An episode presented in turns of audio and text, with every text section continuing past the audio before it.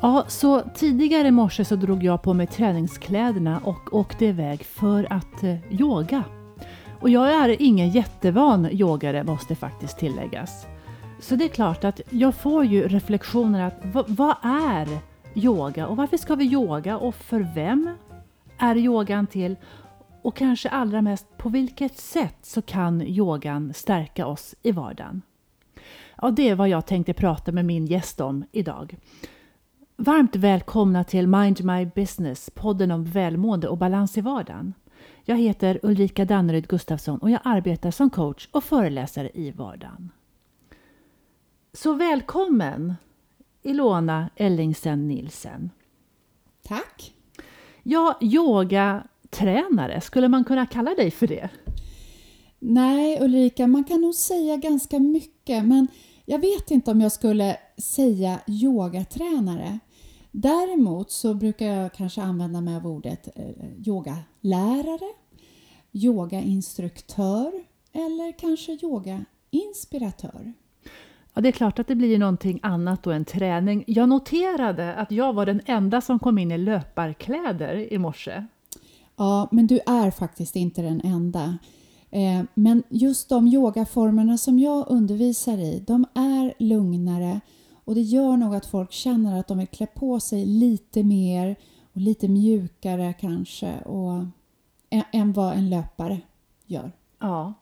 Eh, så för mig då, jag som tycker om eh, när det går framåt, jag tycker om rörelsen eh, ja, framåt och när jag får upp pulsen. Vad tänker du om mig då och yoga? Jo, men jag, jag, tänker att du kan säkert hitta yogaformer där du kan få utlopp för den här dynamiska energin som du behöver. För Det finns ju idag en uppsjö av olika yogaformer. Mm. Men jag tänker också att eftersom du redan har hittat det sättet att röra dig på så skulle du lika gärna kunna välja en yogaform som är det motsatta. Det vill säga som ger dig en, eh, en känsla av återhämtning. Mm vila mm. och en djup stretch av de här senorna, hinnorna som finns runt muskler, leder och eh, som vi brukar kalla för fascia. Som kanske just, just löpare inte sträcker ut så mycket. Nej, för jag kunde ju verkligen känna att, att jag kom åt muskulatur, jag tänker muskler framför allt, men det är klart att det är ligament och andra delar också, men jag kunde ju verkligen känna att jag använde delar av kroppen som jag aldrig annars gör. Jag kommer ju ha ont imorgon. Mm. Och idag så var du på ett pass som vi kallar för medicinsk yoga. Och då blir jag ju jättenyfiken. Vad är, för det finns ju som du sa tidigare så ofantligt många olika typer av yoga och det i sig är ju intressant. Men medicinsk yoga. Det låter ju jättesunt. Ja, och jag skulle nog säga att alla yogaformer är medicinsk yoga. Men den här yogaformen har ju fått sitt plats för att man har gjort mycket studier på sjukhus, på patienter och man har kunnat mäta resultat. Så att det har blivit en egen yogaform där man behöver bli certifierad för att helt enkelt få utöva medicinsk yoga. Och, och i vilka lägen passar just då medicinsk yoga extra bra? Ja, det är en yogaform som är utformad till och med för den som har svårt att sitta på mattan med korslagda ben så kan man sitta på en pall. Mm. Och det är ganska många äldre eller om vi har någon skada som har svårt att sätta Det är verkligen inte självklart att sätta sig ner på en liten matta och lägga benen i kors. Långt ifrån alla kan göra det. Nej, jag fick ju faktiskt vara en del av det när jag efter en meniskoperation eh, i knät då, ju inte kunde knyckla ner mig till mattan utan då satt ju jag på en pall. Mm. Och det fungerade ju fantastiskt. Ja, och, och det är väl lite tanken också att du ska komma, kunna komma till en yogastudio och känna att jag kan göra yoga jag också. Den är till för folket. Mm. Man pratar ju mycket om, och nu säger jag kropp, tanke, känsla. Du kanske skulle och gör förmodligen använder ett annat uttryck för det. Men vad, vad är filosofin bakom yogan? Ja, frågar du tio personer så får du säkert tio olika svar. Men det här blir då mitt svar mm. just idag. Mm. För mig så är yogan ett förhållningssätt till livet som innehåller bland annat, en utav tårtbitarna är just rörelser. Mm. Eh, en annan tårtbit det handlar om meditationer och en tredje kan handla om andning, pranayama. Och sen finns det fler tårtbitar som handlar just om nästan lite som de här tio budborden. Att inte bruka våld och så att vi kommer in i yogans värld från lite olika håll men jag tror nog att majoriteten tänker yogan som rörelser. Mm. Men det är väldigt mycket mer. Ja, och det märker man ju. Andningen såklart, det är ju en stor del. Men du säger att man kommer in i yogan från olika håll. Jättenyfiken blir jag ju såklart på vilket... Hur kom du in i yogans värld? För den är ju en ganska stor del av ditt liv har jag förstått. Ja, den har blivit det. Ehm, Jag exponerades för yoga första gången när jag väntade mitt första barn. Min barnmorska då informerade mig om att man kunde gå kurser och då tänkte jag att det kan vara bra. Och det var ju fantastiskt vilsamt. Man måste ju ändå ställa frågan, hur länge sedan var det här? Ja, det var ju faktiskt 16 år sedan. Så det har ju hänt lite på vägen här. Ja, det har det gjort. Så vad tänkte du då utifrån den här formen av, av rörelse eller form av ja, meditation som du säger? Ja, för åtta år sedan så kom jag, började jag en utbildning till samtalsterapeut. Mm. Och ungefär vid samma tidpunkt så påbörjade jag också en yogalärarutbildning för då hade jag fastnat för det själv, att utöva yoga. Men jag hade också känt ett djupare behov av att förstå lite vad ligger bakom rörelserna. Jag ville förstå filosofin. Ja, Och då insåg jag också att när jag läste till samtalsterapeut och var på mattan på yogalärarutbildningen så var de utbildningarna de var inte särskilt långt ifrån varandra utan de gifte sig väldigt bra ihop. Har du något liksom, exempel på vad det var som föll så bra på plats? Ja, men till exempel att släppa taget som vi behöver göra, som vi pratar kanske om just i terapiutbildningar, att ibland behöver vi släppa taget om det som är. Och som ju är så svårt. Absolut. Och att sen få öva på det rent praktiskt, fysiskt på en Mm. yogamatta där det också handlar om många gånger att släppa taget. Då förstår man när jag förstod då att det, det blev liksom ytterligare en nivå på kunskapen. Att läsa om det bara praktiskt, hade var, eller teoretiskt, det hade kanske gett mig en viss förståelse. Men att också få chansen att faktiskt uppleva hur känns det i kroppen Mm. när jag släpper taget. Det var det som gjorde att det här gifte sig så bra tillsammans. Och hur ska man kunna tänka sig då att du tar vidare det här, den här kunskapen in i själva samtalet? Jo, jag är ganska säker på idag att dels så min förmåga att använda mig av andningen i terapirummet, den kommer väl till pass. Och jag har också genom alla mina år och arbete med fysiska kroppar kan jag också ta in i terapirummet att läsa av en människas kroppsspråk.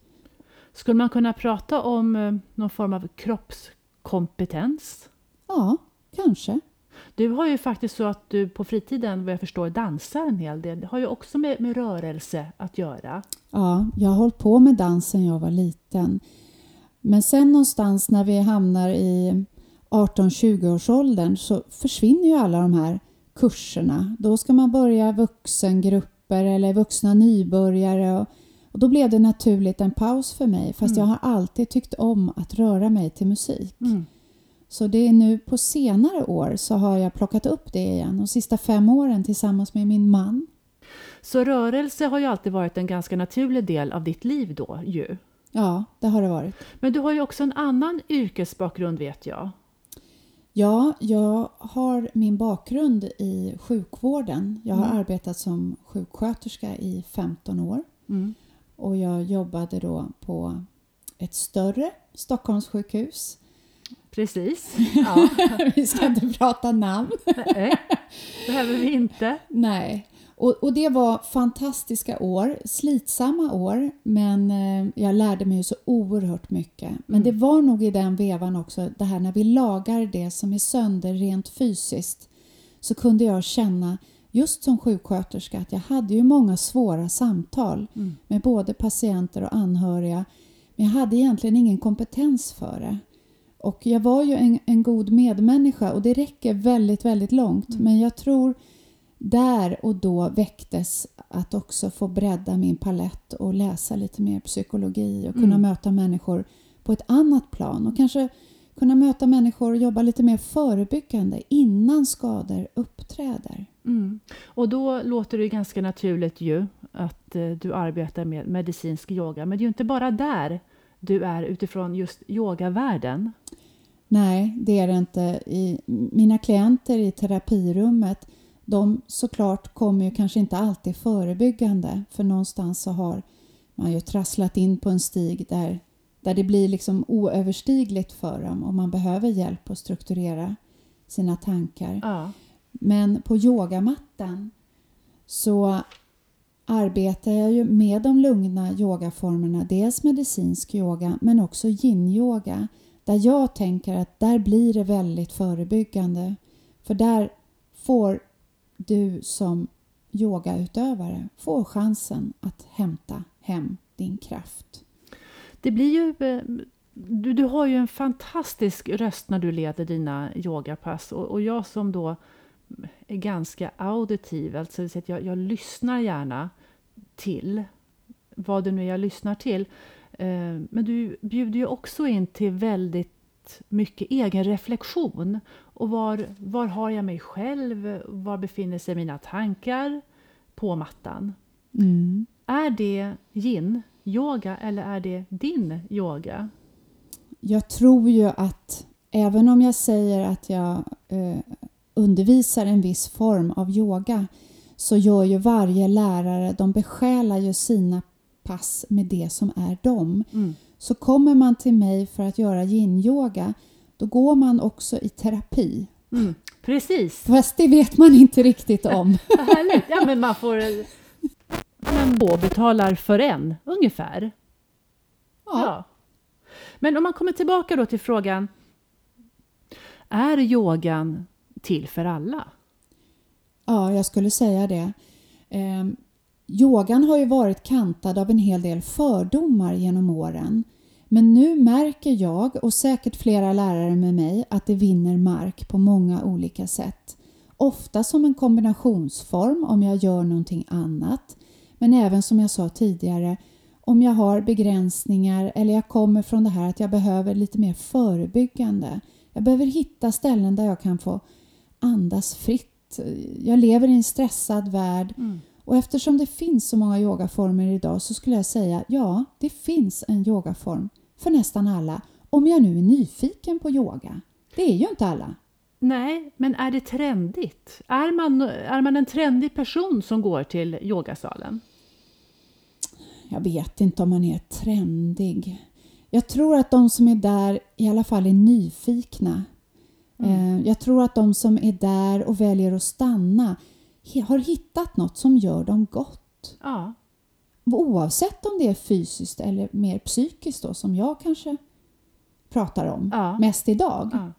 Och det här lite så, eh, frågan som jag ställde mig då när jag var där i morse, att på vilket sätt jag kan ju se hur, hur yogan stärker mig i vardagen. Men hur skulle du se generellt på yoga som sådant, hur det gör oss att må bättre just i vardagen? Men dels så tror jag det här att, att det blir en plats där jag kan få reflektera, släppa taget, hämta mer kraft. Men dels så är det såklart också ett sätt att bli mjuk, mm. att bli smidig, att, att få kroppskontroll mm. och att bli stark mm. i kroppen. Och ska, och ska man då Måste man göra det tre gånger eller kanske fyra gånger i veckan? Alltså finns det något, ett vinnande koncept? såklart allt man gör med lite mer frekvens, det, det gör ju att det vi gör ofta, brukar vi säga, det blir vi ganska bra på. Ja. Och samma sak där, tränar vi på att släppa taget ofta så kan jag ju koppla det i min vardag och jag behöver inte alltid gå till en yogastudio och vara på mattan. Mm. Eh, men sen är det samma sak, det ska aldrig vara ett krav. Utan kommer jag en gång i veckan, då är det bra. Mm. Kommer jag två, tre gånger, ja, det är kanske bättre. Det Men det är inte sämre. Nej, det låter härligt. Så om vi ska summera det här samtalet då med eh, tre frågor så blir ju det ett, alltså enligt dig, vad är yoga? Ett förhållningssätt till livet. Och vem kan yoga? Alla som är nyfikna. Och slutligen, varför? Vad har vi att vinna på att yoga i vardagen? Att stärka oss själva och få mer kraft till det vi faktiskt vill göra. Det som är vårt syfte. Ja, och det var väl väldigt bra avslutande ord. Tack så jättemycket Ilona för att du kom. Så mysigt att få Ja. komma och prata om det jag brinner för. Ja, och så gott att få ha dig här. Eh, Och med det, kära vänner, så var det allt för idag. Jag tyckte ni om det? Lajka, dela eller lyssna igen nästa gång och tills dess såklart, ha det så bra.